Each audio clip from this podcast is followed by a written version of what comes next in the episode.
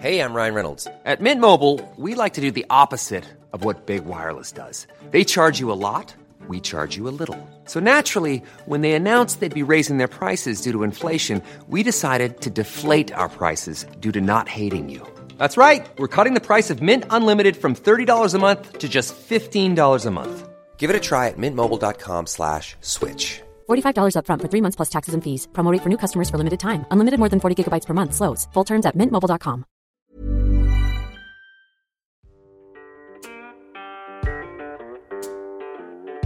Du kommer nu att få lyssna på podden om ont. En podcast om självhjälp mot smärta och stress med mig, Björn Rodin och med mina kollegor från Kaladius Rehab. Varmt välkommen.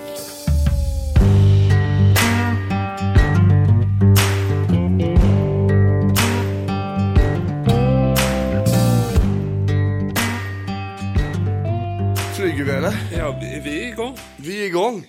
Och vi är inte på samma ställe idag. Nej, vi är någon annanstans idag. Absolut. Men jävlar du. Ja, välkomna tillbaks, podden om ont. Och vi kör inte från eh, den förorten idag, utan vi kör ifrån eh, Sävedalen. En annan förort. En annan förort, ja. Det var ju lite eh, sjukstuga. Det är lite sjukstuga. Då Ja. får man släppa det. Ja, precis. Vi är på väg in i den jävla perioden nu där det blir bara såsigt med magsjukor och influensor och grejer.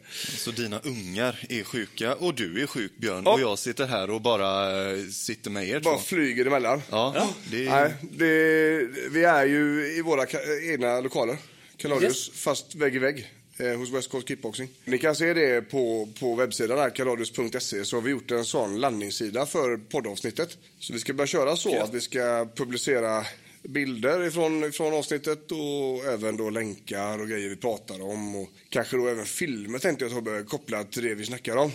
Ja. Skapa ett mer fyllnad. Då kommer ni se där, vi sitter mitt emellan fyra boxningssäckar. Vi gillar det. Ja, Man kan slå av sig lite aggressioner så här emellan om man känner Ja, för. precis. Så vi gör det i smyg sen. ja. Ja. det blir bra. Idag, tänker jag, eh, ska vi ha ett avsnitt som heter Hela människan. Och eh, hela människan, och det låter ju lite klyschigt kanske, va? men eh, det blir väldigt tydligt när man jobbar med detta att det är hela människan det handlar om. Och att om man inte får med hela människan, både på tåget och, och under luppen så att säga, då är det väldigt vanligt att rehaben inte funkar. Så vi tänkte så här idag, bästa, bästa lyssnare, att eh, ni ska få följa med Kaladius genom en hel klient. Ifrån början till slut. Vi ska prata om eh, hur det här går till, och vilka fallgropar vi har stött på på vägen. Och ni kommer att få, då, få se och hö, eller höra då att det är inte, det är ingen smooth ride. Även hos oss då. Nu är ju inte vi på något sätt på den höga hästen att vi tycker att vi är världsbäst, att allting är perfekt här. Utan eh, ni kommer då få märka att vi, vi får jobba ganska hårt, vi får bli lite skitiga under naglarna. Och att allting är inte alls så enkelt som det verkar. Nej, och det låter ju ganska lätt ibland när man lägger ut eh, svaret på olika diagnoser och eh, skador och gör den här övningen hit och tänk så dit. Men det är alltid så att det är olika människor som kommer varje gång oavsett om det är samma diagnos. Så det är ju det är en utmaning varje gång. Ja, eh, och ni kommer också få vara med då eh, och se hur mycket egentligen vi är inne och petar i vardagen. Det är ju väldigt sällan det bara är övningar och av eh, smärtlindring som, som är grejen. Utan ju längre man har haft ont ju svårare blir det. Va? Och jag tänker vi ska börja den ändan Tobbe va? Ja, kan Den biopsykosociala modellen. Ni som har lyssnat tidigare, ni har ju hört det här uttrycket i leda. Och det är mer ett sätt att förhålla sig till, i vårt fall då, rehaben. ja, människan i rehaben. Ja, precis. Vi har en biologisk del och det är ju den delen som är kroppen. Muskler, senor, mat, energi, de här sakerna. Vi har den psykologiska P, psykologiskt. Det är ju huvudet då. Det är ju olika copingstrategier, alltså problemlösningsstrategier undermedvetna. Vi har eh, känsla av sammanhang, vi har eh, olika förklaringsmodeller så vi känner att vi är med i processen. Tankar, vad man tror om sin situation, vad man tror man kommer att göra framöver. Ja, känslan i hela grejen. Liksom. Sådana här saker som... Jag sa det när jag var föreläste för eh, Positivum-gruppen häromdagen. Mm, När det handlar om psyket. Så hur lite vi än vill prata om det hur mycket tabu vi än tycker om att det är eh, runt eh, mental ohälsa och sådana här saker. När dörren är stängd, ljuset är släckt och vi blundar så är det den stormen som finns där inne, den har alla. Sen hur mycket ni än vill prata om den eller inte, det skiter jag fullständigt i. Faktiskt. För jag vet att den är där. Alla känner, alla tänker, alla beter sig. Så är det. Vi, Eh, vi skiter i den till den, till det, alltså vi måste prata om det. Ja, ja, ja. Om man inte vill öppna upp den dörren, inte ens lite, Nej. då är det inte till oss man ska gå. Nej, då är det svårt. Då är det svårt. Vi vet också om att våra psykologer till exempel. Är det så att det är någon som har lite svårt att vara i kontakt med sina känslor så måste de börja där. För de kommer ingenstans. Om man inte har kontakt med känslorna. Det är ganska vanligt att lite äldre personer kanske Ja, eh, jag vet inte om de har läst boken Ove, eh, en man som heter Ove. Ja. Eh, Den generationen är nog inte mest pepp på att prata känslor. Nog inte. Nej. Nog inte. Och sen har vi den sociala cirkeln då. Eh, jobbet, eh, gemenskap, eh, familj, vänner, bekanta, relationer, Fritidsintressen. fritid, kärlek, you name it. Där. Eh, och den ena cirkeln är inte mindre värd än den andra. Det är väldigt vanligt att, att sjukvården då som är väldigt resurssvag, som har ju problem som vi vet om, de, de har bara resurser att ta hand om lite skrapet i den ena cirkeln. Så fort det resten är problem så blir det svårt. För det blir så komplext. Va? Och det överlappar ju alltihop. Du Ja. kan, det är ju sällan du kan peta in någonting i bara en, utan du kan alltid hitta gråzoner där det ena överlappar det andra. Så det är ju... Så är det. Man måste jobba med allt. Och jag tänkte det Måns, jag ska, ska dra en liten, en liten slinga för dig. Vad roligt. Så du, så du är med på hur det här kan spela ut sig. Ja. Vi, tänk, vi, vi låtsas så här att du har eh, fått lite huvudvärk. Ja. Ja, på dagen så har du ont i huvudet. Ja. Ja, men, du jobbar, sitter på kontor och jobbar och sådär. Och så, så suger du dig två stycken receptfria värktabletter och så är det bra. Och så blir dagen klar och så sover du gött och du vaknar okej. men framåt lunch så kommer huvudvärken igen. Så eh, mer tabletter. Och så, så pågår det ett par dagar. Någon vecka kanske. Ja. Och rätt som det är så vaknar du upp med huvudvärk på måndag. Huvud. Du bara vaknar med huvudvärk. Ja. Och får ta de här tabletterna som du innan tog på lunch. De tog du direkt. Och eh, det gör också att det inte riktigt är så bekvämt i energinivån. Det, är lite, det blir lite tuffare att klara av morgonen. Det blir lite tuffare att ta sig till jobbet. Det blir lite tuffare att klara av arbetsdagen. Och livet slutar ju inte bara för att du har ont. Nej. Så so- sover du och eh, så fortsätter det här några vecka eller två. Rätt som det är så får du även ont, vaknar du på natten av att det gör ont. Så det börjar störa sömnen. Du får kanske gå upp och ta en värktablett för att kunna somna om. Eh, Du är tröttare dagen efter. Det här fortsätter. Samma huvudvärk ligger och mal. Det är väl nu någonstans de flesta börjar fundera på om det verkligen ska vara så här. Och det fortsätter. eh, Och det fortsätter att sova dåligt. Så du blir tröttare och tröttare hela tiden. Kanske får börja kolla på andra medicinlösningar. Gå till vårdcentralen någon, någon gång kanske de säger till dig, men du ska nog träffa en sjukgymnast här. Du går dit någon gång, får ett program som du gör någon vecka. Blir kanske lite bättre. Kan bli. Men eh, så blir det bättre så slutar du. Eh, går det någon vecka och sen kommer det tillbaks. Tills den dagen, det hjälper inte med tabletter längre. Det gör ont ändå. Jobbet blir tufft. Det blir så tufft att till slut så behöver du, du, du orkar inte. Så du sjukskriver dig. Det går en vecka, det händer inte så mycket. Det går en vecka till, det händer inte så mycket heller. Vecka tre så vet du att snart börjar Försäkringskassan. Undrar vad det här, så ska du gå över på den biten. Då kommer det bli andra saker. Kanske gå tillbaka till sjukgymnasten. Träffar inte riktigt rätt person. Eh, klickar inte riktigt. Gör inte det de ber dig göra. Det fortsätter, det blir ännu tröttare. Och så ger eh, Försäkringskassan avslag på sjukskrivning eller sjukersättning. För att det finns ingenting som sjukvården har sett som skulle kunna förklara den här huvudvärken. Och där är vi ganska, det är ganska vanlig. Ja, det kan jag tänka mig. En ganska... Ja.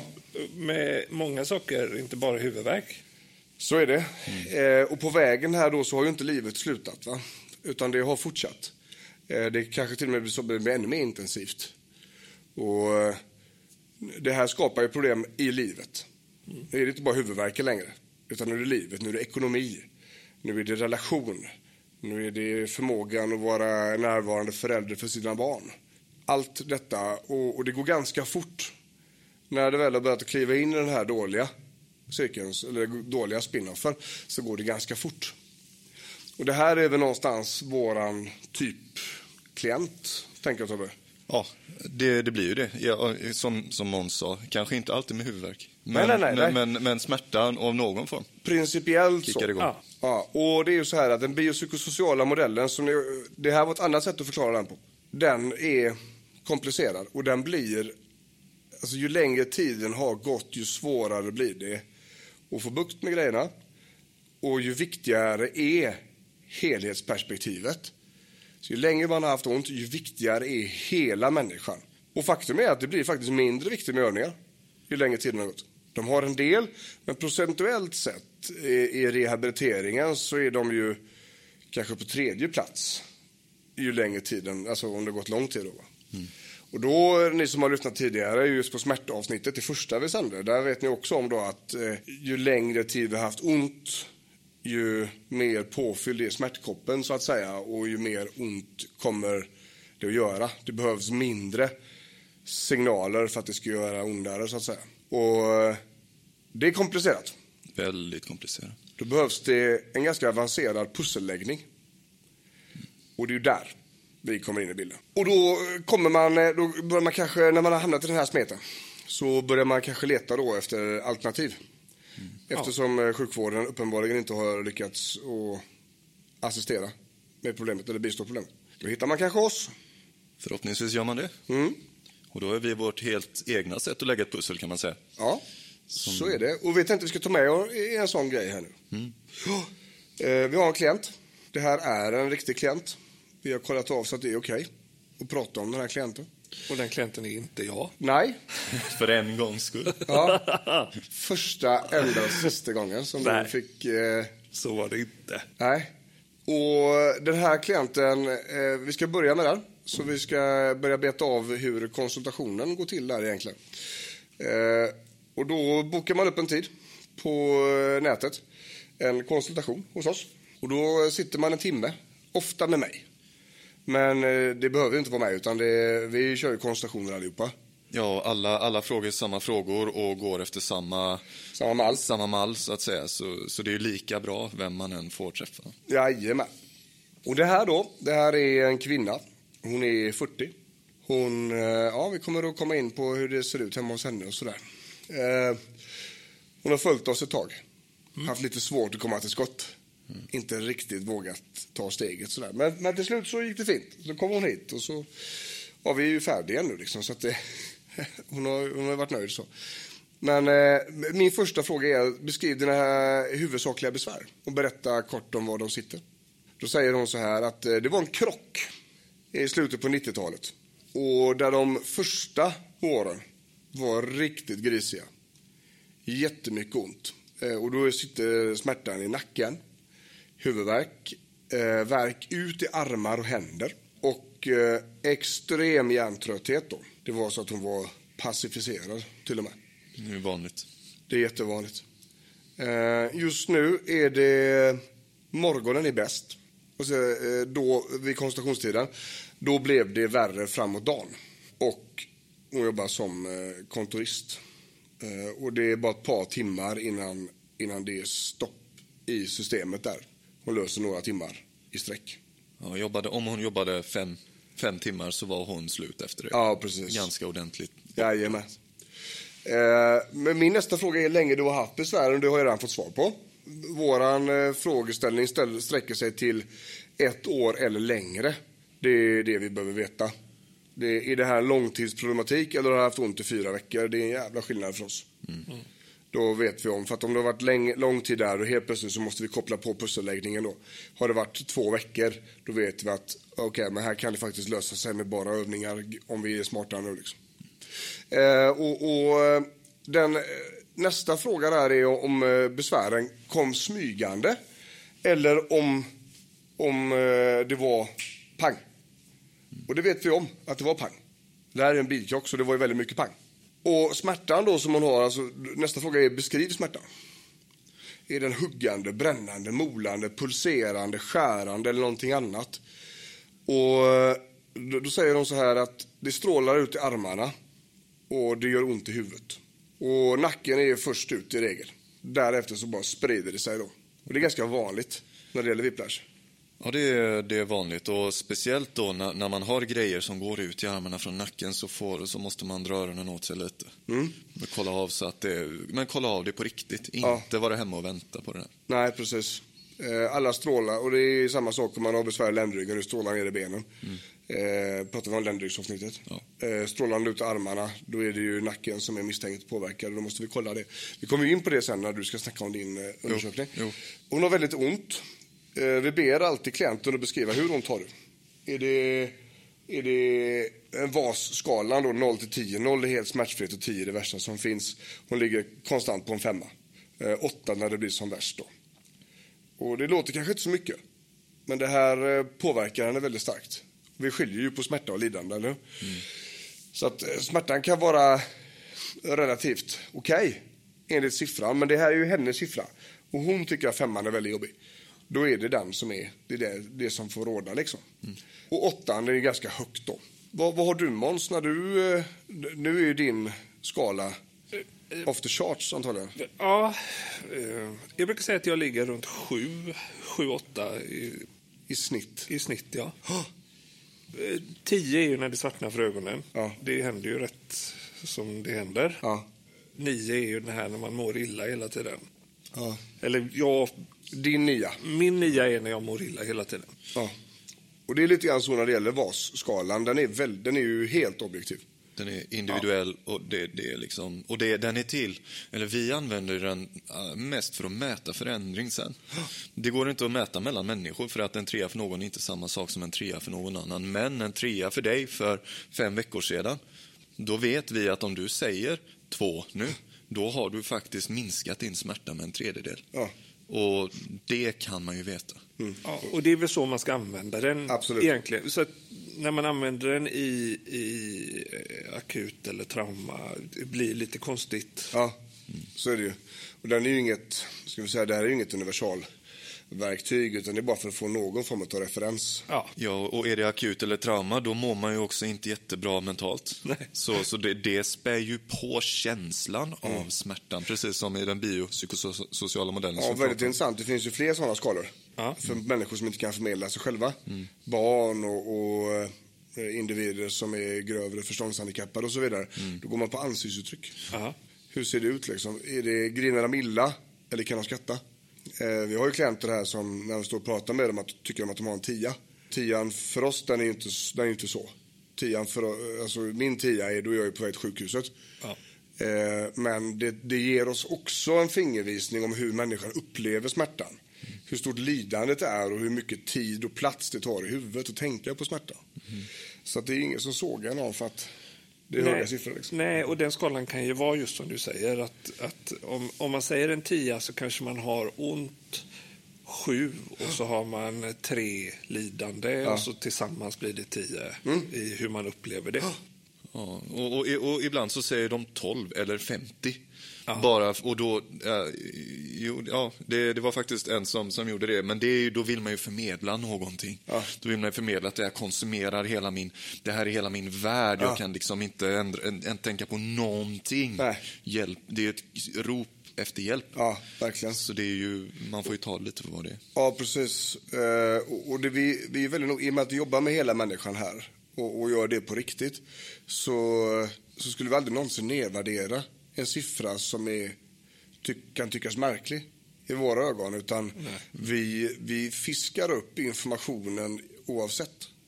Och på tal just om det med smärta och lidande. Jag brukar använda dig faktiskt när jag är ute och föreläser Ja. som exempel.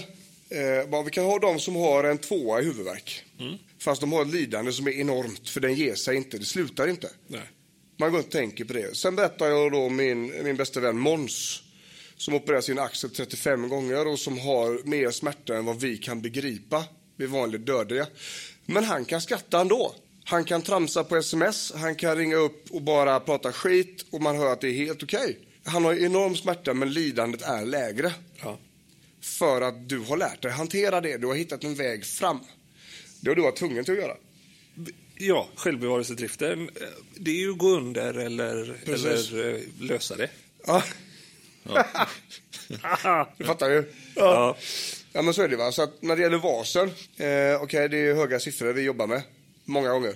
Ja. Inte Eh, alltid. Nej, men ofta. Och det är någonting att, att ta till sig. Nästa steg här då, som vi frågar den här personen, det är om man kan beskriva känslan kring din smärta. Och det är just därför. Ja. Just för att Ja. det, är, det inte är samma för alla, just bara siffran. Nej. Vet du vad hon skriver då? Eller säger då? Nej. Det här, att komma till oss är första gången på, på väldigt, väldigt många år som hon har hopp igen. Hon har förstått att det här är annorlunda. Hon har förstått att det kanske inte är helt kört. Bara våra initi initiala samtal liksom. Eh, och det är nästan lite läskigt att börja hoppas igen. Och det där möter vi ofta. Att det är liksom avfärdat och, och det är ihoppackat i princip hos vården. Eh, nej, det, vi kan inte göra mer för det här nu. Du får lära dig leva med detta. Eh, ha det gött, hej. Ring inte mig, jag ringer dig. Det här är otroligt trauma för huvudet att få höra det. Eh, och det är det som provocerar oss så jävla hårt, att vi tror ju verkligen inte på det. Utan vi vet ju att innan vi har testat det vi kan, det vi kan, avslappning, eh, stresskontroll, eh, eh, övningar som du aldrig har sett förut men som vi tycker är jätteviktiga för området. Eh, allt det här, alla de här delarna i hela, i hela eh, biopsykosociala modellen så finns det ingen som kan säga att det är helt kört. Det finns heller ingen som kan säga att hej, jag kan bota dig. Nej. Så bägge de här två extremerna i ytterkanten, hej du får lära leva med detta, eller hej jag kan bota dig. Båda de två ljuger. För det är ingen som vet. Det kommer att landa någonstans på den här skalan. Men innan du har testat det vi vet fungerar, om vi, om jag i konsultationen ser att det finns en plats för våra verktyg. Du har inte de verktygen ännu. Du, du, vi skulle kunna hitta en lindring för att det här och det här och det här har du och det kan vi påverka. Och det har du inte gjort ännu. Då vet vi att då kan vi i alla fall garantera att du blir bättre. Och det är egentligen all garanti jag ger på konstellationen. Mer är det inte. Jag tänker att det ger så mycket också för den mentala biten. Det, jag tror också det. Ja. Jo, men det, det kan jag säga när jag har träffat läkare, och jag har ju träffat ganska många läkare, som är, de är så olika på hur de förmedlar hoppet eller, eller känslan av att man kan göra någonting. För då kan de säga, ja alltså, jag vet inte. Det här, vi, vi får se. Ja. Och så säger nästa, alltså jag tror på det här. Ja. Den skillnaden är, är milsvidd i hur man upplever situationen. Ja, för någonstans är det det, man, man vill ju ha med sig någon som faktiskt tror på processen också. Ja, Man är ju väldigt själv i det här liksom. Ja. Och man är ju väldigt sårbar i det också. Ja. Men, men jag, jag vet det, många som kommer hit blir ju ganska mycket bättre bara på konstellationer. Och det, är lite, det kan vara paradoxalt. Eh, men, men bara att det inte är någon som ger upp. nej, det gör ju mycket. Ja, för att i slutet på vår hälsodeklaration här så får alla skriva en liten rad. Och eh, det finns ju en enorm tragik i det där. Bara du inte, bara ingen ger upp på mig. För jag tror att det här går. Men resten har gett upp. Det är helt vansinnigt. Att det här lilla, att vi inte ska sluta jobba, är allt som individen behöver för att vilja investera i våra tjänster. Ja. Det är ju ett sånt fundamentalt jävla systemfel inom vården när, det behöver, när, när, det, när människor känner så här. Ja. Att en människa känner så är ju en katastrof. Ja. Men när det då är dessutom är fler så blir det ju ännu det blir konstigt. Det, det är svårt att förhålla sig till faktiskt. När man sitter där och hör det. Ja. Ja, det är jävligt tungt. Nu, nu har vi hört det så mycket så man har väl börjat att vänja sig. Men, men det, det, det, är alltså, det händer någonting i själen varje gång jag hör det. Att, ja men klart vännen, vad fan. Det är klart vi ska hjälpas åt här liksom. Tyvärr kan jag inte lova att det blir bra, det har jag redan gjort. Men jag lovar att vi ska göra allt vi kan för dig. Och sen lite till. Och gärna lära oss någonting nytt på vägen. Liksom. Vi går vidare där då, va? Eh, just när det gäller känslor. Det här är, det här är en kvinna som är som, som eh, hon levde ensam många år för att hon inte eh, ville beblanda, blanda in någon i hennes smärtinferno. Till slut så klev hon ju ur den bekvämlighetszonen så att säga och träffade någon. Och hon hon träffade var, hon var frisk. Och det var också lite svårt att förhålla sig till. Just när man lever i en relation. Att det, det, det framgick inte hur dålig hon var förrän hon träffade en tjej som inte var sjuk. Okej. Som inte, var, som inte hade ont. Eh, och då blir ju kontrasterna mycket större. Och det här blir också påverkat. Då är vi inne på den sociala cirkeln, vi är inne på den psykologiska cirkeln, insikten utav hur dåligt det är egentligen. När man levt i sin bubbla så pass länge att man hittat en vardag som funkar och sen så träffar man någon som fungerar som det kanske var meningen att det skulle funka. Då blir kontrasterna väldigt stora. Så det här är någonting vi pratat väldigt mycket om sen dess. Då. Därefter så frågar jag alltid vad är det som påverkar eh, smärtan eh, mest? Alltså vilka rörelser är värst? Och den här, den här kvinnan berättar att vad jag än gör med överkroppen. Mm. Då vet vi också om att här är det väldigt många rörelser. Det är alltså väldigt påverkat. Ju mer specifik upplever jag, ju mer specifik rörelse man tar, kan pinpointa, ju, jag ska inte säga mindre är problemet, men ju fler rörelser som gör ont, ju större är problemet, tänker jag. Ser du samma sak hos dina Tadde? Ja, jo, det är, det är ju mer komplext. Det är verkligen mer komplext. Alltså, man blir ju, ja, ju mer påverkad man är, mm. desto jag, tänk, jag tänker alltså själv när, när det är många olika rörelser som skapar smärta i ett område mm. kontra när det är en rörelse som gör ont. Ja. Där, där, där, ser vi ju direkt då. Så när hon säger att vad jag än gör med överkroppen så är det bajs. Mm. Ja, okej. Okay. Här, här, det, ja, här kan, det här kan dra ut på tiden du. Jo, jo. Precis. Och då, då är det, det, är, det är mycket lättare att vi kommer väl in lite på det i undersökningen också sen, mm. att ta reda på om det är en specifik muskel som skapar en viss rörelse som är problemet. Ja. Men äh, som du säger där, om, om alla rörelser gör ont, då är det ja. någonting som kopplar på som är, som är värre. Ja. Och, och, nästa fråga där är då, finns det några rörelser och positioner som gör att smärtan minskar? Och det här är intressant, för nu kommer den här spikmattan då. Eh, det gjorde till och med han, jag vet inte om du kommer ihåg det när det här small. Alla skulle ha en spikmatta, det var årets julklapp och bla bla bla bla. Och han som, eh, han som eh, har patentet för det, han gjorde till och med avbön på det här och sa att det bara är hittepå. Liksom. Mm. Eh, men likväl, även fast det är hittepå så funkar det för väldigt många. Det är ganska mycket som egentligen är hittepå eller som man misstänker är hittepå som funkar för väldigt många. Jajamän. Det är intressant. Det är jätteintressant. Eh, men i det här fallet så, så får hon en viss avlastning, en viss smärtlindring genom att vigla på spikmatta. Mm. Och det säger oss någonting också. Dels att det finns någonting som faktiskt tar ner smärtan. Det är inte alltid det gör det. Man kan också argumentera för att det här skapar en avslappning. Och om avslappning tar ner smärtbilden, då vet vi att då finns det i alla fall en väg in för oss. Och, och det är det här, vårt pusslande har redan börjat här nämligen, under konsultationer. Mm. För att från början så kommer man med ett nystan helt utan ändar. Och jag ligger och lyssnar hela tiden på vart är första ändan. Och när vi då får reda på att det finns någonting som gör det bättre, där är min första ända. Då vet jag, pang, yes. Och det kan vara att massage funkar, det kan vara att varmt bad funkar, det kan vara grejer som jag kan associera till avslappning i muskeln. Det, där är min första eh, tråd. Jag, jag, skulle säga att allting som, som ger en potentiell avslappning i en muskel ger också avslappning mentalt. Mm. Så, så det är nog, eh, jag, jag, är inte säker på att det går att separera de två någonstans. Nej. Utan det är avslappning, punkt. Muskel och eh, huvud. Ja, hur har smärtan förändrats sen debuten? Den här har varit stabil de senaste åren, så det har varit en hög lägstanivå kan man säga. Mm. Många gånger så har det blivit värre utav våra klienter. Det har accelererat därför har man tagit nya tag i att söka hjälp. Och då hittar man oss. Det här är inte första gången hon söker hjälp för besväret. Det är nästa fråga. Hon har varit överallt och ingenstans. Det är Men ganska vanligt va? Det är folk extremt, det. Ja, ja, för fan. Mm. Vi ligger ju ofta i slutet på vårdkedjan liksom. Man har varit överallt innan, vilket gör det jävligt enkelt för oss. Ja. Det... Alltså, ju, ja, men, precis, exakt. Ju fler personer man har varit, ju fler saker man har ut, uteslutit innan man kommer dit, desto lättare har ju vi att jobba med helheten just. Ja, så är det. Jag har gjort röntgen och blodprov och kollat och sådär liksom. Då vet vi, oh, men det här kan vi diska av det, det största och det mesta liksom.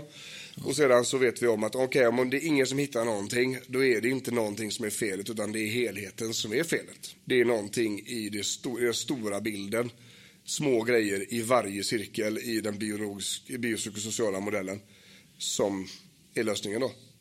Sen ska det ju sägas också att det, det, är, ju, eh, det är ju alltid extra roligt när någon kommer innan skiten har träffat fläkten på riktigt. Ja, ja, ja. För då kan man ju göra, ofta göra ännu mer, ännu snabbare. Vi har, ju, vi har ju de kunderna som kommer hit och är lite försiktiga och undrar, ja, jag undrar om jag är tillräckligt, eh, tillräckligt eh, illa för att, för att komma till er egentligen, men jag har ju problem med detta. Och det är ju, det, är ju det, bästa av, det bästa av allt. Bra att du kommer nu istället för om fem år när det är illa på, Ja, precis. illa på riktigt. Om man, Och, och det är också därför så. vi ger ut så mycket eh, självhjälp. Ja. Både på filmer och i podden här sådär. Vi vet att vi kan stoppa en hel del av skiten innan de ens behöver komma till oss. Mm. Eh, Eftersom vården har så stort behov av att få hjälp helt enkelt. Så gör vi så mycket vi bara kan för att människor ska må så bra. Och i de allra flesta fallen så handlar det om att bryta tidigt. Mm. Samma sak med utmattningen vi pratade om där, eh, avsnitt 14. ja, jag var inte med där, men eh, just det. Eh, då var det, det är samma sak där. Ju tidigare du stoppar, ju bättre är det. Har du väl gått över gränsen så kan det ta många, många år innan du är tillbaka. Liksom. Det är samma sak här. Och vi tycker att livet är för kort, Måns. Livet är för kort för många saker, Ja. men det är en av dem. Ja, fan i mig. Så att vi, vi, eh, det är så va. Vi, vi ligger ofta sist. Så att hon har varit runt överallt och ingenstans. Och röntgen och fan hans moster. Men, inte gjort något speciellt rehab. Som hon ser det. Väldigt intressant. Då har man alltså en bilkrock. Med en mycket kraftig smärtbild som jag upplever det när jag pratar med den här tjejen. Ganska tätt in på bilkrocken. Nu är det ju så här att vården har förändrat sig. Slutet på 90-talet, Tobbe. Ja. Whiplash. Det var, eh, det var en ny diagnos. Pisksnärt skada. Jag tänker att vi ska göra ett avsnitt om nacken så småningom. Det hade varit kul. Och då blir ju, det, då blir ju whiplashen blir ju viktig där. Den, den kommer, det är många som är drabbade av det och det är ju en stukning väl utav nacken va? Ja, precis. Ja. Ledbanden är uttända och det blir svårt. Eh, Och det här kan skapa problem i många, många år efteråt. Oh, ja, det kan, det kan jag ju sitta i. Men i hennes fall här så kommer det nästan direkt. Och hon har många år efteråt där det är en ganska intensiv smärta. Ändå så har det inte gjorts någon rehab. Och, och där får man ju utgå från att hon har fallit mellan stolar och liknande och bla bla bla bla bla. Och hon har ju också ett eget ansvar såklart men Hey, I'm Ryan Reynolds. At Mint Mobile, we like to do the opposite of what Big Wireless does. They charge you a lot, we charge you a little. So naturally, when they announced they'd be raising their prices due to inflation, we decided to deflate our prices due to not hating you. That's right. We're cutting the price of Mint Unlimited from $30 a month to just $15 a month. Give it a try at mintmobile.com slash switch. $45 upfront for three months plus taxes and fees. Promo rate for new customers for limited time. Unlimited more than 40 gigabytes per month. Slows. Full terms at mintmobile.com. helheten gjorde ju att det blev ingen rehab gjord. Det är också viktig information för oss. För då betyder det att vi har ganska mycket att tillföra i den, till och med i den biologiska cirkeln. Stabilitet runt skulderblad, som är väldigt viktigt för whiplash. Det är mer nästan där nere vi är än när det gäller eh, nacken i sig. Ja, alltså att hålla på och dutta med, och, och trycka med, med fingrarna vid tinningarna för att få en isometrisk aktivering av nackmuskulatur, det är kanske någonting som gör det absolut precis i början. Ja. Men, men till slut så, det, det är ju ett samspel mellan bröstrygg och nacke, skulderbladsmuskulatur, nackmuskulatur, arm. Nästan. Ja. Inte arm, men, men skulderblad i alla fall. Ja. Och de musklerna som oftast blir problematiska, de, i alla fall de som är problematiska i det här fallet, nackkappan, de här klassiska stora nackmusklerna mellan axeln och nacken, Trapezius. trapezius, ja precis, kappmuskel, de, de måste ju kunna slappna av för att de ska kunna slappna av. Eller, eller för att de ska kunna stärkas tillsammans med resten då, Ja. så måste man ju jobba med de andra musklerna samtidigt. Ja, precis. Och när det inte är gjort, det är ju världsklass. Det är skitbra för oss. För då vet vi att jävlar, här kan vi dra på grejer som kommer funka ganska snabbt. Men vi vet också att vi har en period här nu det kanske gör lite ondare. Eftersom de här musklerna inte har rört på sig på väldigt, väldigt länge och de har dessutom varit utsatta för trauma. Och det är någonting jag informerar om redan i, i konsultationen här. Att okej, nu har du inte gjort så mycket. Det finns en möjlighet här nu att det här kommer bli lite värre innan det blir bättre. Men vi ska hitta smärtlindringsverktyg som vi kan komma ner i, vi kan komma ner i smärta om det blir värre. Hur brukar folk svara på det då? Att du säger att det blir eh, värre, att det kan bli värre, att det är dåligt, alltså, så här, de här grejerna. Ja, alltså, man förstår det. Eh, det gör man. Eh, för jag förklarar ju ganska snabbt att det, alltså när man har sådana här verk som man har och vi börjar röra på saker så kommer träningsverk och den här skadeverken gärna kommer inte göra någon skillnad på de två. Utan det går signal som signal och det tolkas som smärta oavsett. Eh, och det är inte ovanligt heller i bröstryggen då att det flyttar på sig från höger till vänster. Eh, för att när vi får igång bägge ställena så blir det andra har legat också lite i så här skev dvala. Eh, väldigt vanligt. Och det, det, finns en, det finns en förståelse i det någonstans. Att ja, det kommer bli lite konstigt här ett tag. Men de allra flesta upplever att bara det händer något så är det lugnt. Liksom. Bara jag känner att det är en process som går framåt och bara får veta att det är okej okay, så är det okej. Okay. Och, och, och det här, I det här läget så brukar jag förklara för klienterna att men det här är lika mycket en utbildning som det är träning. Vi förväntar oss att du förstår detta och då måste vi ju förklara hur det funkar. Vi måste förklara hur det ska kännas, hur det inte ska kännas, vad du ska göra om det blir värre, när du ska höra av dig, eh, hur många veckor det förväntas ta innan det här släpper, vad du ska göra om det gör ondare, vad du ska, hur du ska hantera din vardag, ska du flytta på dig på kontoret, stå upp, sitta ner, hur ska vi jobba med datorn och så vidare. Informationen gör ju att det blir mycket lättare att ta eventuella försämringar under en period. Så det är väldigt, väldigt, noga med det redan här och förklara att men det här är ju liksom en utbildning i dig själv som du köper. Träningen är sekundär alltså, utan det är ju inte de passen som vi gör här hos oss på Kaladius som kommer ta hem detta, utan det är du förvaltar kunskapen hemma. När vi inte är med och håller dig i handen, det är det viktiga. Och för att du ska ha den kunskapen så måste vi ju ge den till dig på det sättet som du förstår den på, så att säga. Det är mycket kunskap, mycket information där och då är det inget problem att det blir värre. Och någonting jag ser där, det är ju att ibland så om man, om man är mm, vårdgivare så blir det kunskap och information som kanske inte alltid läggs på rätt nivå. Nej. Jag har sett, nu ska vi inte nämna några, men jag har sett några, några stycken utbildningsprogram som är alldeles för tekniska. Mm. Det handlar om eh, Eh, prevalens och incidens och det handlar om eh, siffror och, och statistik och, och, djup anatomi ja. som inte är intressant om man sitter där och har ont. Nej, nej. och det ger ju ingenting heller. Alltså, eh, då, om man inte tjänar på att ha informationen just nu, då är det bättre att vara utan den mm. fram tills den behövs. Eller få, få informationen på, på ett, ja. ett brötigt sätt. Ja, förklara det så att alla, alla förstår. Liksom. Ja.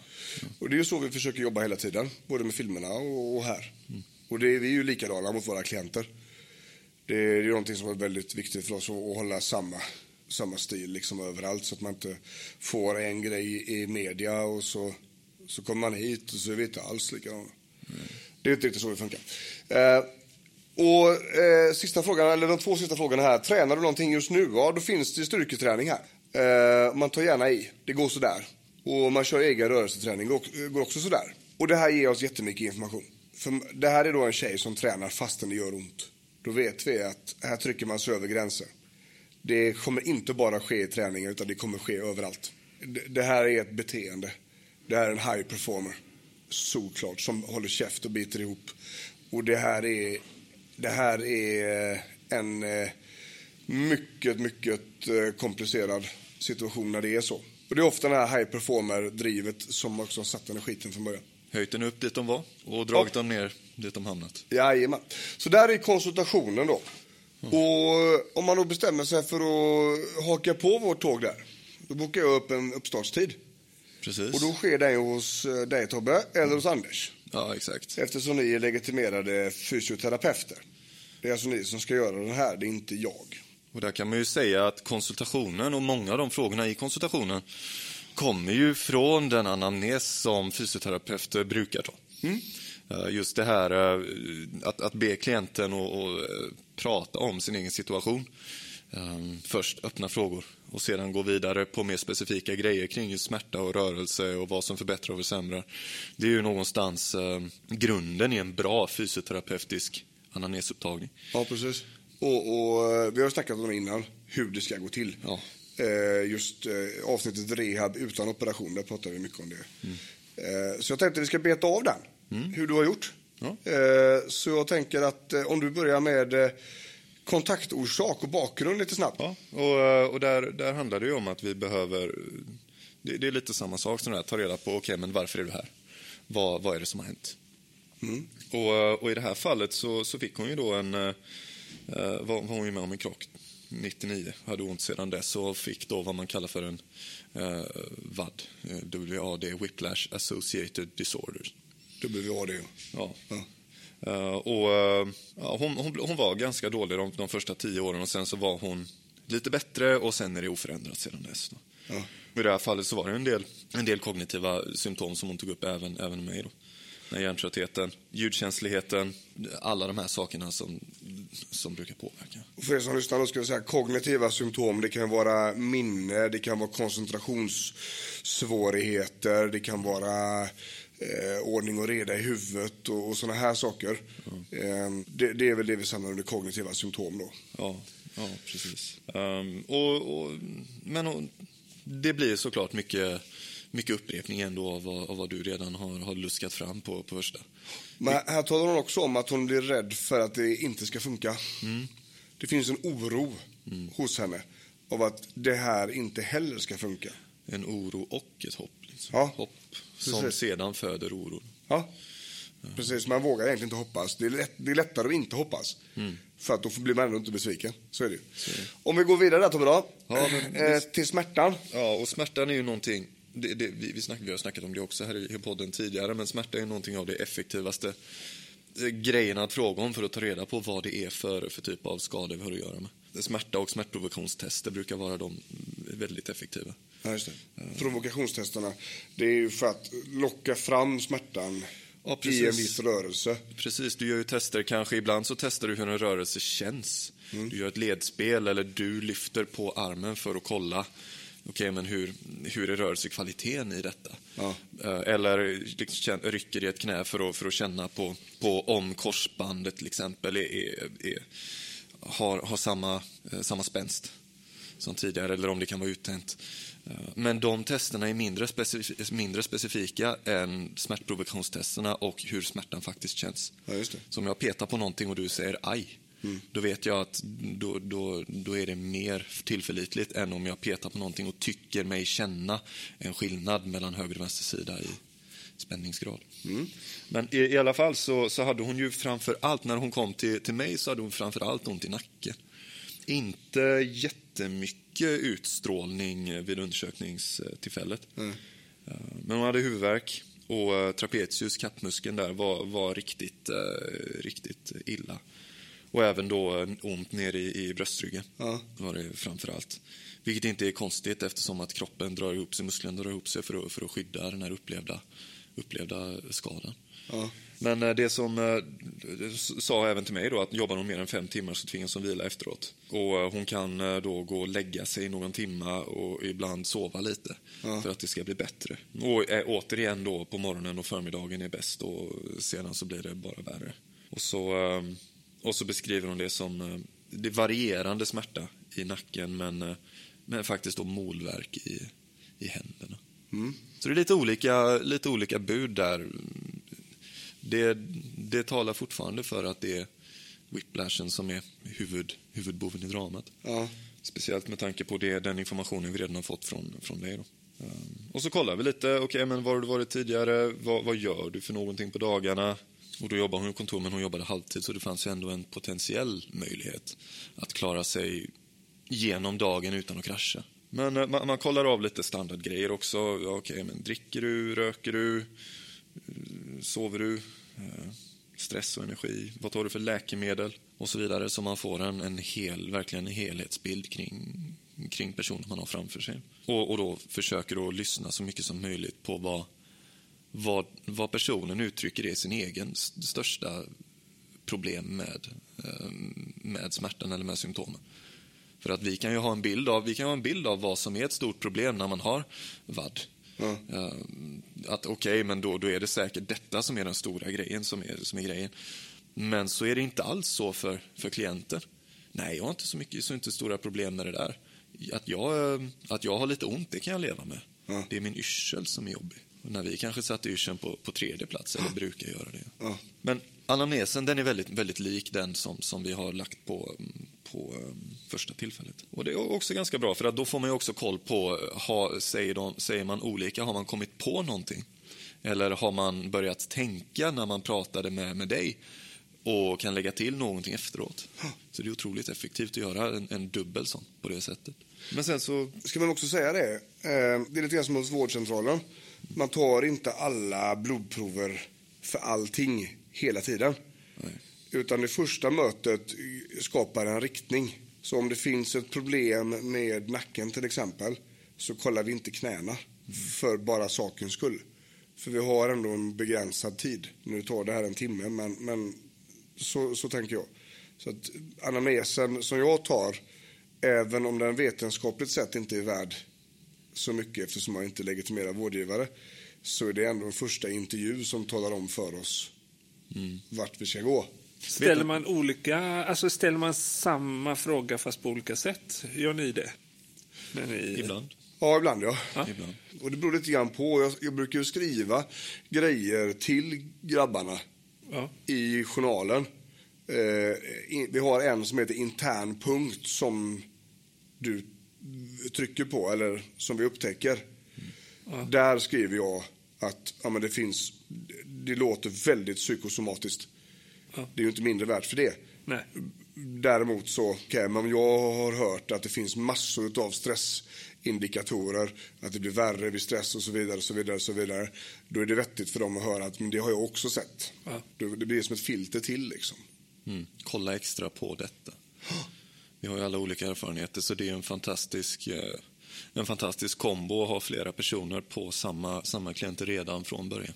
Vissa tycker ju att det är lite, lite jobbigt. Ja. När ska jag komma igång då? Ja. Men det här är för att du ska komma igång med så, mycket, så bra förutsättningar som möjligt. Hit the ground running liksom.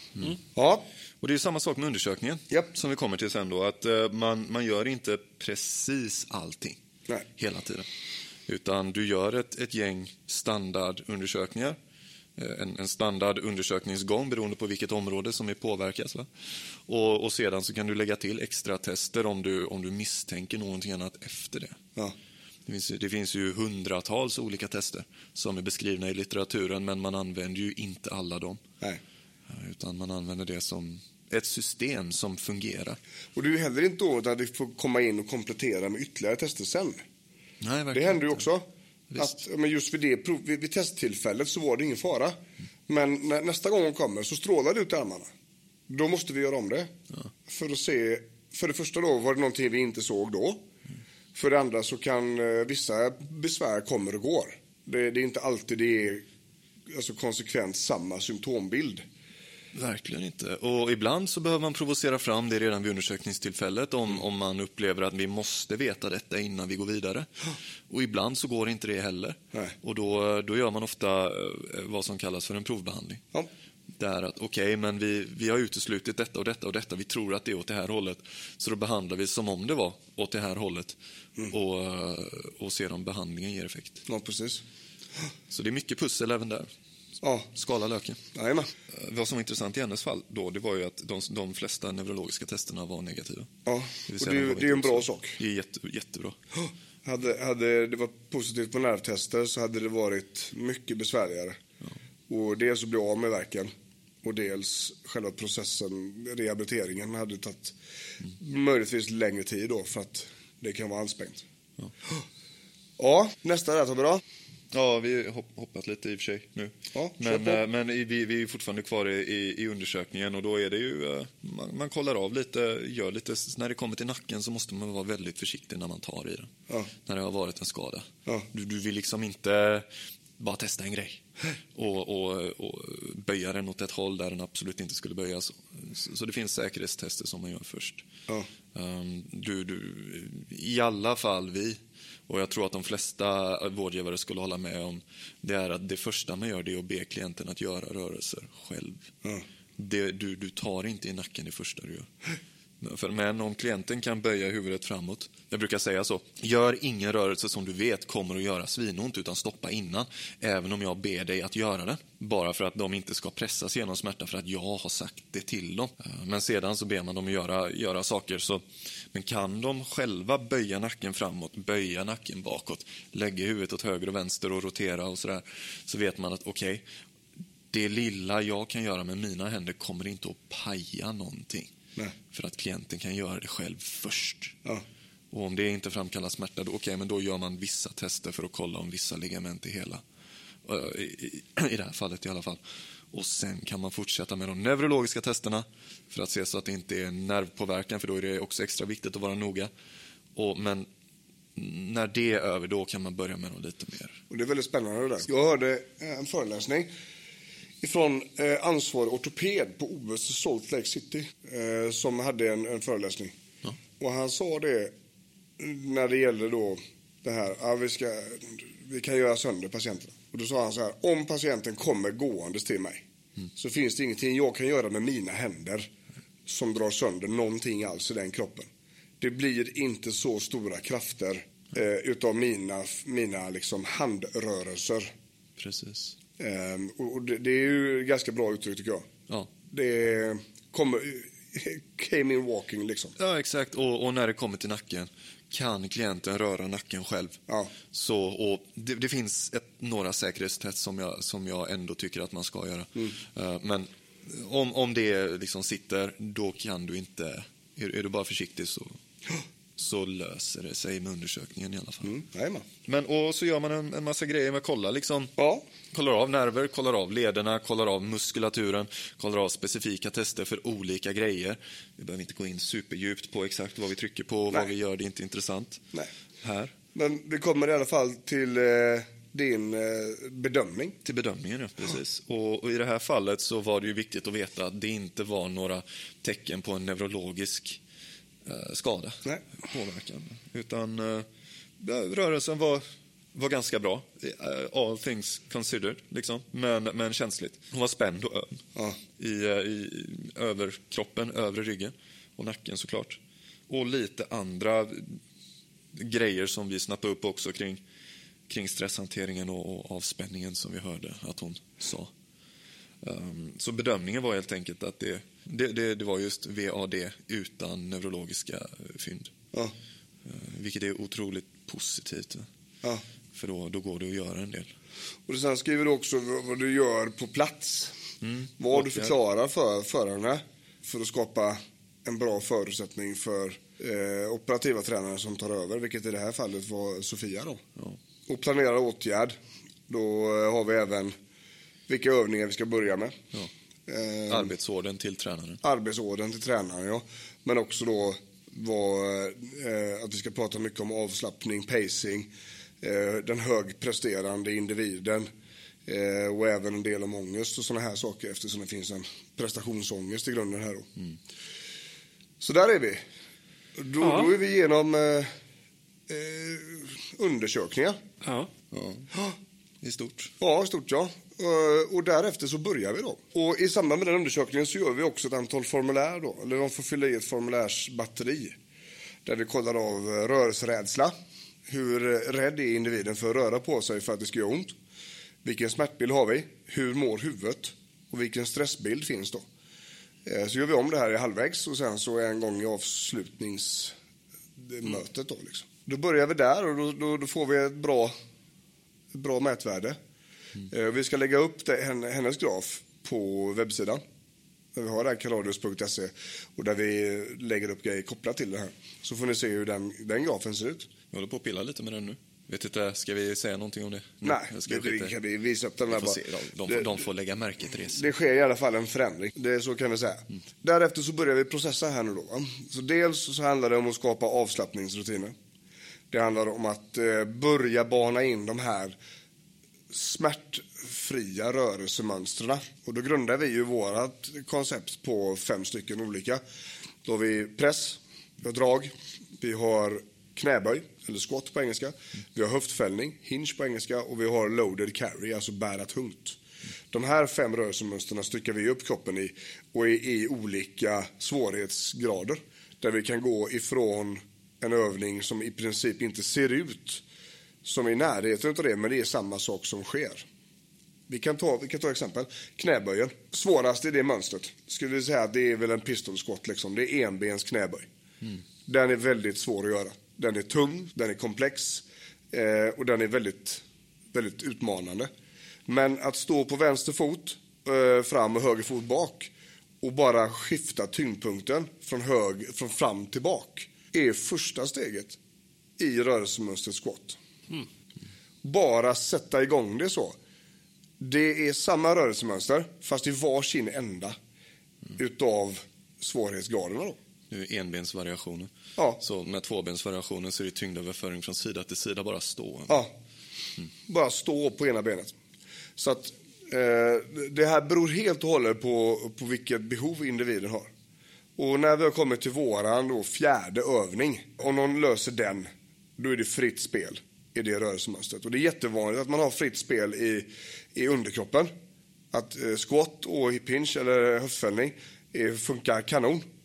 Medan draget är paj. Så vi kan ha fritt på benen, men det är väldigt fisnödigt i vad som händer i överkroppen och höger och vänster sida och så vidare. Så det är så vi bygger ihop våra program. Då. Då börjar man jobba där. Men, men för att kunna göra detta, för att vi ska börja kunna röra på oss, så måste vi ha en fungerande smärtkontroll. Vi måste ha avslappningen på plats. Vilket innebär att om någonting gör ondare så måste vi kunna lägga individen ner och gå igenom avslappningen så att de kommer ner i smärtbild. Vi gör inte någonting med dem förrän vi har fått till den. Eh, för att vi vet att det kan göra ondare. Och om vi inte har verktyget att komma ner så kommer det att sätta sig i huvudet. Gör de här övningarna så kommer det göra ont. Och då vill man gärna inte göra övningen. Men om man gör övningen, det gör ont, men jag kan göra det här för att det inte ska göra ont. Det blir mycket, mycket lättare att förhålla sig till. Så där börjar vi. Det visar sig också att det, det finns kanske mer i huvudet att göra än vad vi fick se både i anamnesen, eller som jag tog i mm. och eh, hos Tobbe. Här, eh, ganska, eh, ganska mycket ångest. Väldigt stresskänslig. Eh, vaknar ofta trött. Känner sig väldigt sällan utvilad. Eh, och här kan man då misstänka att det, det, finns en utmattning i bakgrunden, även om vi inte har fiskat upp detta innan. Mm, kopplat till hur trött hon var efter krocken och eh, vilken hjärntrötthet hon har haft under åren så kan vi utgå från att det finns en utmattning i grunden här. Så även om det inte är uttalat så, så jobbar vi baserat på det helt enkelt. Det innebär också att vår information behöver vara anpassad. Vi kan inte bara trycka ut information här nu utan vi måste ta det lugnt och försiktigt så att informationen verkligen landar. Och när vi kommer in på övningar och sånt då kan det hända att vi får filma. För att det räcker inte med ett papper och en förklaring vad man ska göra hemma. Utan då kan vi filma det eller så lägger vi upp, eh, skickar en länk till en film vi gjort tidigare och sådär. Och dubbelkolla såklart när de kommer nästa gång ifall, eh, ifall de har, eh, tycker att övningen funkar bra. Precis, och i och med att man är så stresskänslig som hon är så är det väldigt viktigt att vi diskuterar det. Vad är stress för något? det är beredskap. Ja, vi rekommenderar poddavsnittet kanske då, så får man lite djupare.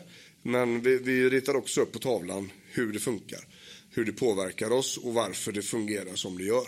Mm. Så att det börjar, börjar landa en förståelse för vad stressen gör med oss. Och det, det är väldigt, eh, väldigt intressant. Eh, och där eh, är det väldigt mycket, det är väldigt ofta som det är så att man inte riktigt är på banan vad stress innebär. Mm. Det känns som att man bara behöver hinna tid till jobbet eller sådär va. Lämna barnen i skolan och som hon har besvär med. Eller att det bara är att man känner sig stressad, ja. alltså mentalt. Ja, och det måste vi skapa en kontroll över. För stresskontrollen är, den är avgörande. Ja. Helt enkelt. För att när man har en smärtbild som har hållit på så länge så vet vi om att kroppen är stressad i sig. För att den har ont. Och hon är stressad över situationen, hon är stressad över relationen, hon är stressad över allt möjligt. Beredskapen är alltså jättehög här. Om vi kan få ner den så finns det en stark möjlighet att vi får också en smärtlindrande effekt. Eh, så där, där börjar vi ofta. Och eh, efter den första, det första tillfället eh, där när vi börjar med KBT-grejerna då blir det ofta ganska mycket hemläxor. Mm. Och det blir det för henne också.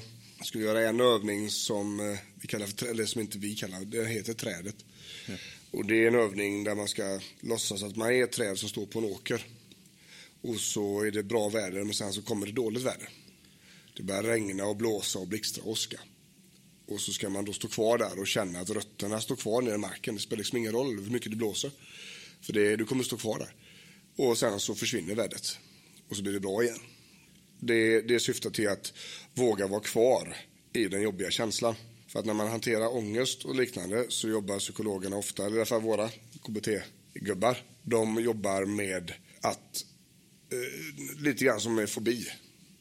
Det gäller att vara kvar i känslan och att den kommer att ebba ut så småningom, att hjärnan kommer att förstå att den är inte farlig. Men om man alltid är rädd för en spindel och aldrig träffar spindlar utan fortsätter att vara rädd för en spindel så kommer det osannolikt att bli bättre. Men när du väl har träffat en spindel och, och klappat en spindel och haft en spindel på dig så blir det lättare. Liksom. Och det är precis samma sak som det funkar med ångesten. Och för er som nu sitter här och, och, har den här typen av problematik men som, som fnittrade till Ja. för att det lät flummigt och, och testat men det var ingenting för er. Antagligen är det just precis ni som hade behövt den här typen av träning allra mest. Eh, Jag menar, styrketräning är ju styrketräning oavsett om det är för hjärnan eller om det är för kroppen. Och är man eh, väldigt svag i den mentala styrketräningen, då, är, då betyder det ju att man behöver göra det mer. Ja. Inte mindre. Nej. Det är en liten Ja. Så. faktiskt. Och det är samma med medveten närvaro där. Ja, det är ju det. Ja, Det är ju det, precis det. exakt så. Och sen så, där, därför fortsätter det. Vi har ganska mycket mejlkontakt emellan. Så den här tjejen hon mejlar och ja, sover bättre och sämre. Det, går- det går lite olika sådär. Eh, det är väldigt mycket att göra på jobbet. Det är mycket med barnen. Ena barnet har lite tuffare i skolan. Det, det visar sig att vi måste lägga upp ett schema för när hon ska återhämta sig. Vi måste, lägga in, vi måste planera in det på dagen. Vi måste hjälpa henne med det. Att det finns tider på dagen. Vid lunchen klockan 12.20 då ska du göra precis just det här. Så det, det kommer till då. Så ska det ske en gång efter jobbet innan eh, så, så det, ja, men det handlar ju om att, skapa, om att skapa rutiner för någonting som är jobbigt och som inte kommer naturligt. Det är precis som vad som helst annars. Det är Bara det att när det kommer till den här typen av grejer så det, det, det gäller på något sätt inte. Att, att har du ingen återhämtning som du, som du måste ha så måste du ju se till att faktiskt skapa möjligheter för att få den återhämtningen. Så att, att, och för att skapa möjligheter för återhämtning så måste du veta hur, hur vardagen ser ut först. Du får registrera först och sen hitta sätt att förändra på. Men vad, vad ser du där? Vad, vad är den största eh, blocket för att göra det här? Vad är, vad är det största folk kommer med? Som, vad är hindret? till, till att eh, vila menar du? Ja, precis. Eh, Det är ganska intressant faktiskt för det, det fick vi mycket på Facebook nu i helgen också. Vi la upp en, en eh, om, åter, ut, eller, om eh, återhämtning. Man har ingen tid, man får ingen tid. Det är andra som rycker i mig. Det är andra saker som rycker i mig. Det är alltså det är väldigt sällan själv som inte har tid. Utan det är ofta externa faktorer. Och då, då menar jag ju på att skit i de externa faktorerna. Du kan inte, du kan du kan inte leva för andras skull. Du kan inte göra allting för alla andra hela tiden utan att ha någonting själv. Det går inte så. Utan det, här, det, alltså det största blocket blir ju att man gör så mycket för alla andra hela tiden innan man tar tiden för sig själv någonstans. Och det blir, det blir, det blir fel. Men det är också ett väldigt stort steg att gå ifrån att konsekvent ha gjort det i flera år va? Till att inte göra det. Det blir ofta en sån egoistisk känsla. Eh, och där omgivningen också kan reagera negativt. Plus att man själv mår ju bra och man, man får ju bekräftelse av att, av att vara den som hjälper någon annan att bli bättre. Ja. Om jag hjälper dem runt omkring mig, då är jag den som hjälper alla andra och det är ju en fin sak. Ja. Så det vill man ju inte heller släppa kanske bara. bara. Nej, och jag kan ju relatera till det också. Alltså jag mår ju bra av att hjälpa andra. Jag, alltså min själ behöver det. Och jag är som privat också.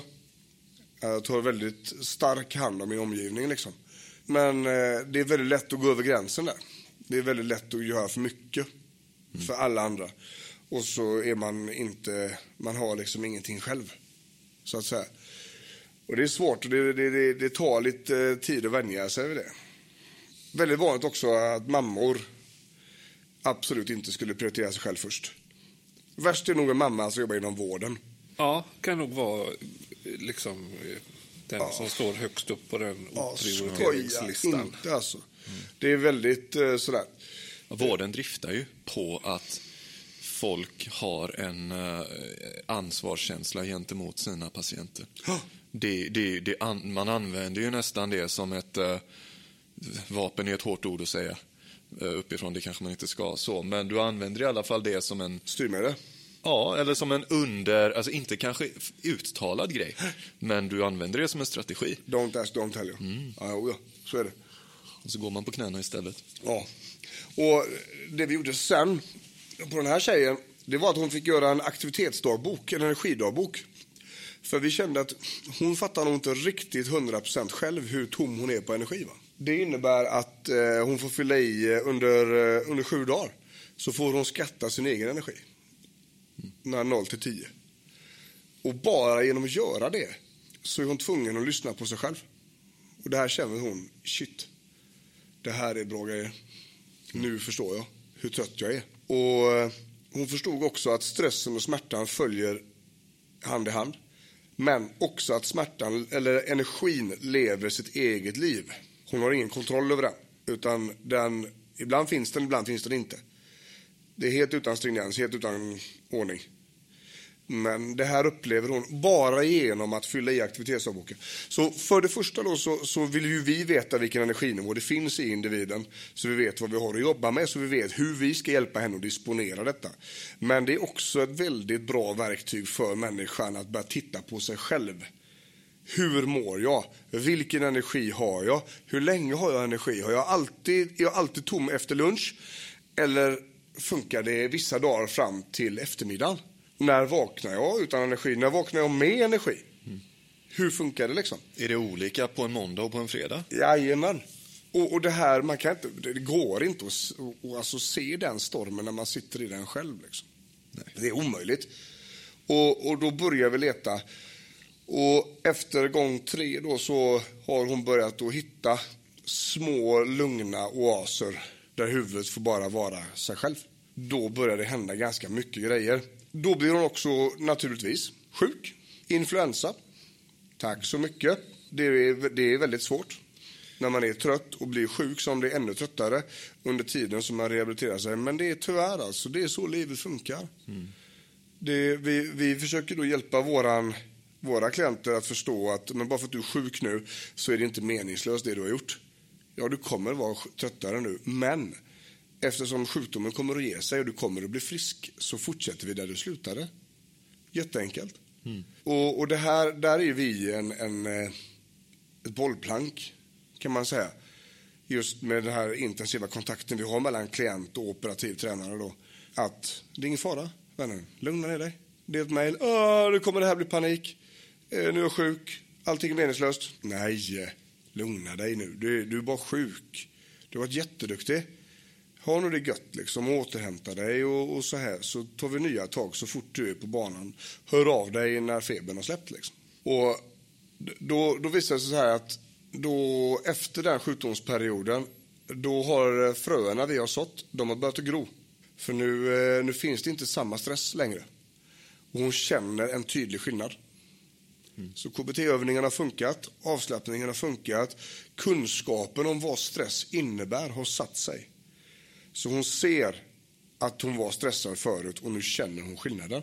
Det är också så att hon har mindre ont. Hon har förstått vad, vad, vad det gör med henne. Hon har förstått vilken smärta hon hade och hon har också fått en väldig acceptans för processen. Att det är, det är, ett, det är två steg fram och ett tillbaks. Det är inte bara bra, det är inte bara enkelt, det är inte bara komma hit och få lite goda övningar och dricka lite kaffe och så är det bra. Alltså jag tror det, här, det är så otroligt intressant, det här acceptans för processen. Ja. Om jag skulle välja en sak som jag eh, tror är viktigast för att någon med den här stora, långa smärtan ska bli så bra som möjligt, så är det just acceptans för processen. Ja. Det kommer att ta tid. Du ja. kommer att må skit i perioder, men du kommer att må bättre efter det. Ja. Och det kommer att vara två steg fram och ett steg tillbaka. Det kommer att vara bakslag. Vi hanterar dem tillsammans. Jajamän. Vi ger dig verktygen för att hjälpa dig liksom, när de kommer, när du är på egen hand sen. Men det måste få ta tid. Så är det. Och det, det är ju så. Det, det, var, det, var, ju samma för henne här när vi gjorde övningarna. När vi började att behandla whiplashen där. Mm. Att den första övningen vi testade, det gick inte. Det gjorde för ont. Det blev värre. Ja, okej. Okay. Handbroms. Backa bandet. Och så testa en övning som gör samma sak, men som är på mycket enklare nivå. Mm. Uh, att, uh, nej, då funkar det. Vi gör nästan samma sak, Men det gjorde inte ont. För att det är väldigt viktigt. Vi, vi snackade här med, med förtroendet om processen och, och acceptansen. Och sådär, va?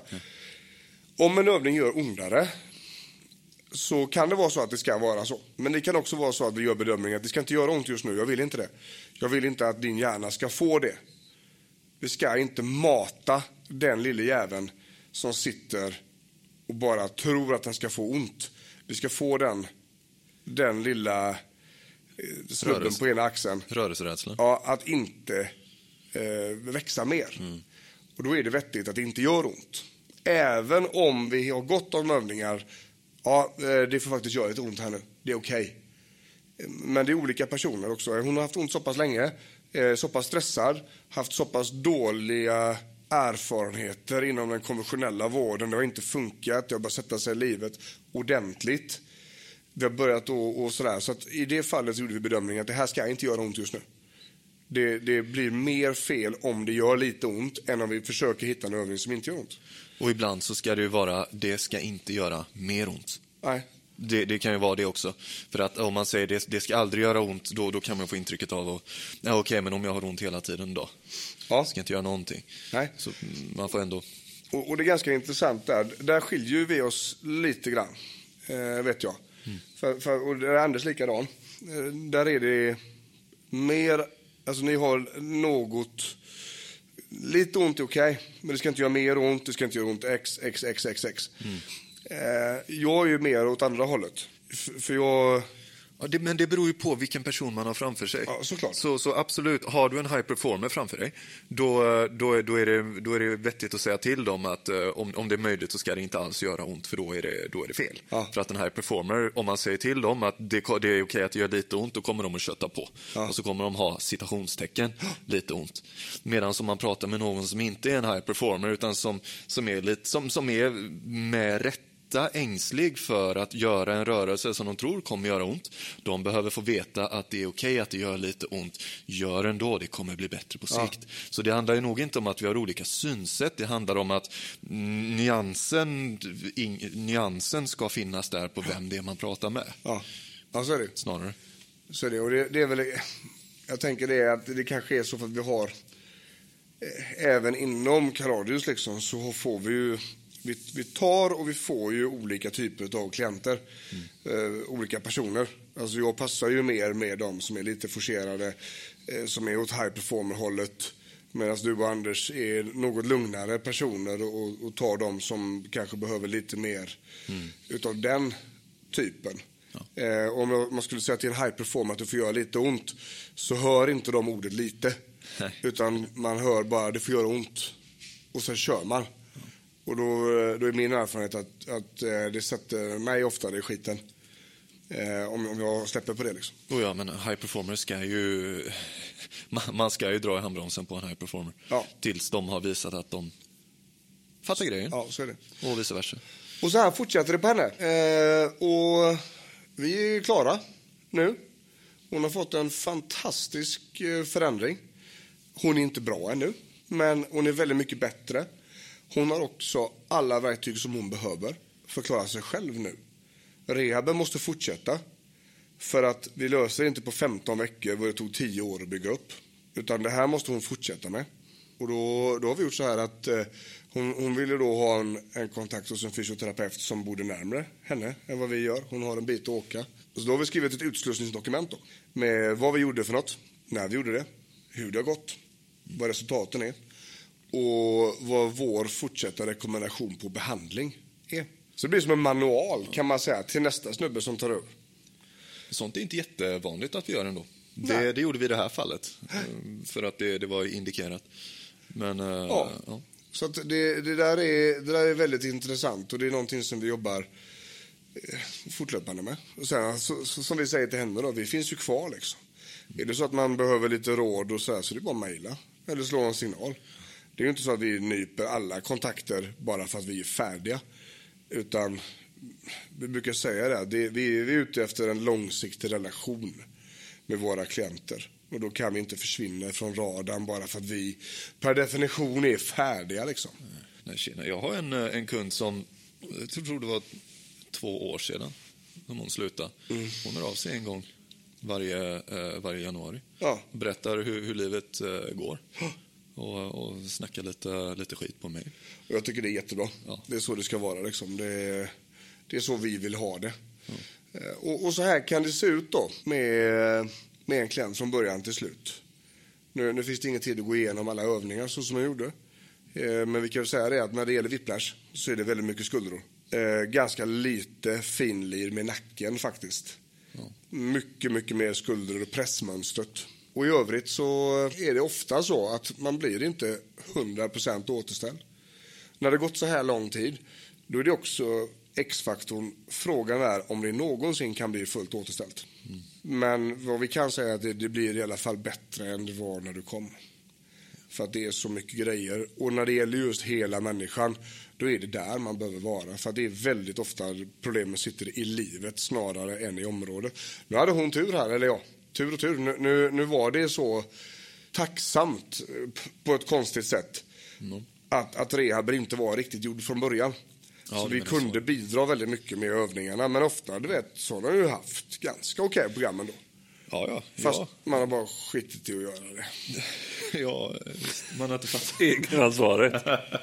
Och även om man har gjort det så har man inte riktigt kunnat integrera det, allting i ett. Nej, precis. För att kunskapen har inte, det har inte funnits någon tid till att applicera en kunskap med hur det här påverkar livet och, och resten och själen.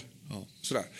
Eh, och som vi har sagt innan, och det är väldigt, väldigt vanligt med utmattning i samband med långtidssmärta. Speciellt om man har haft så här stora problem så länge. Det är ju liksom inte en fråga om hur, hur trött man, alltså det är ju hur mycket det är. Det är inte fråga om om. För det Nej. finns ingen som kan gå så här länge utan att det sätter sig i huvudet. Eh, det är så. Och tyvärr är det ofta så vi börjar. Och det, och det har vi, vi, har, vi har ställt om en del av andra av våra behandlingar nu. Eh, när vi har gjort utvärderingar med hur det har varit och sådär. Vissa typer av eh, besvär som kommer hit. Där börjar vi liksom med teoretiskt. Det kommer inte, vi kommer inte röra på de här människorna förrän gång fyra, fem. För att energin, tröttheten, de här sakerna är så jävla påverkad att vi måste börja där innan vi ens kan vifta med skulderbladen lite grann.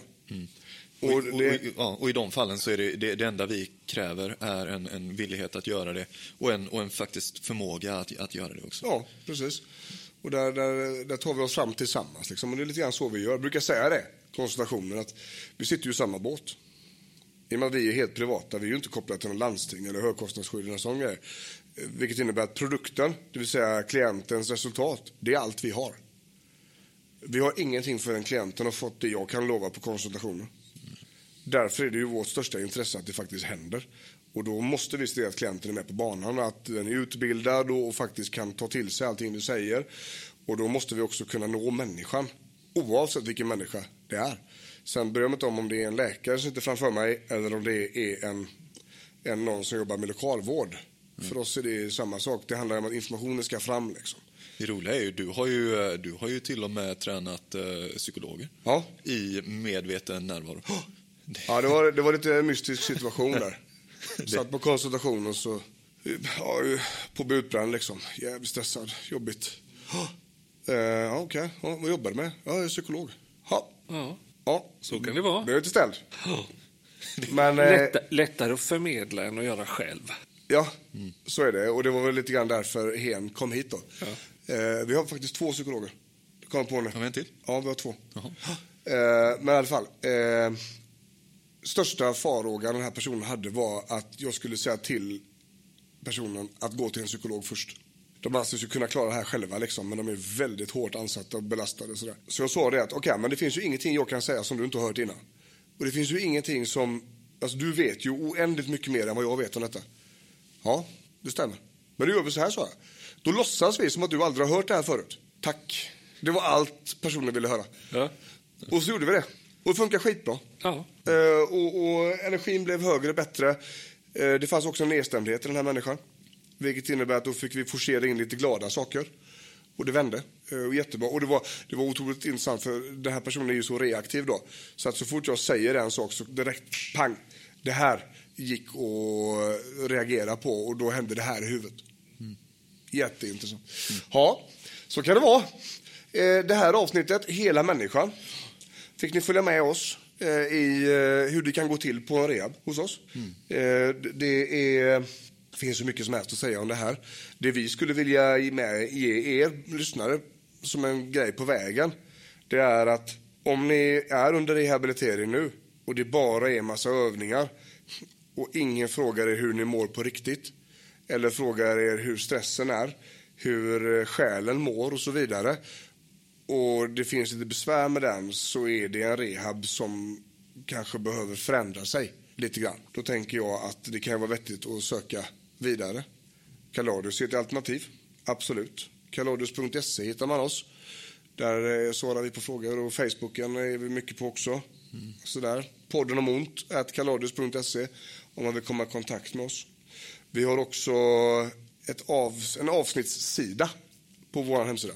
Så varje avsnitt har en egen webbsida där vi lägger upp lite goda bilder och lite bakgrund och lite så här och där vi även kopplar på lite länkar och sånt gött. Så man kan dyka ner ytterligare om den här timmen inte räckte för er, mm. så att säga. Ja. Är vi nöjda så Måns? Ja, alltså jag är jättenöjd nu. Ja, ja. sjukt nöjd. Sjukt nöjd. Ja, gråtfärdig. Ja. ja. Men då säger vi så, ifrån Sävedalen utanför Göteborg säger vi Björn. Måns. Tobias. Hej.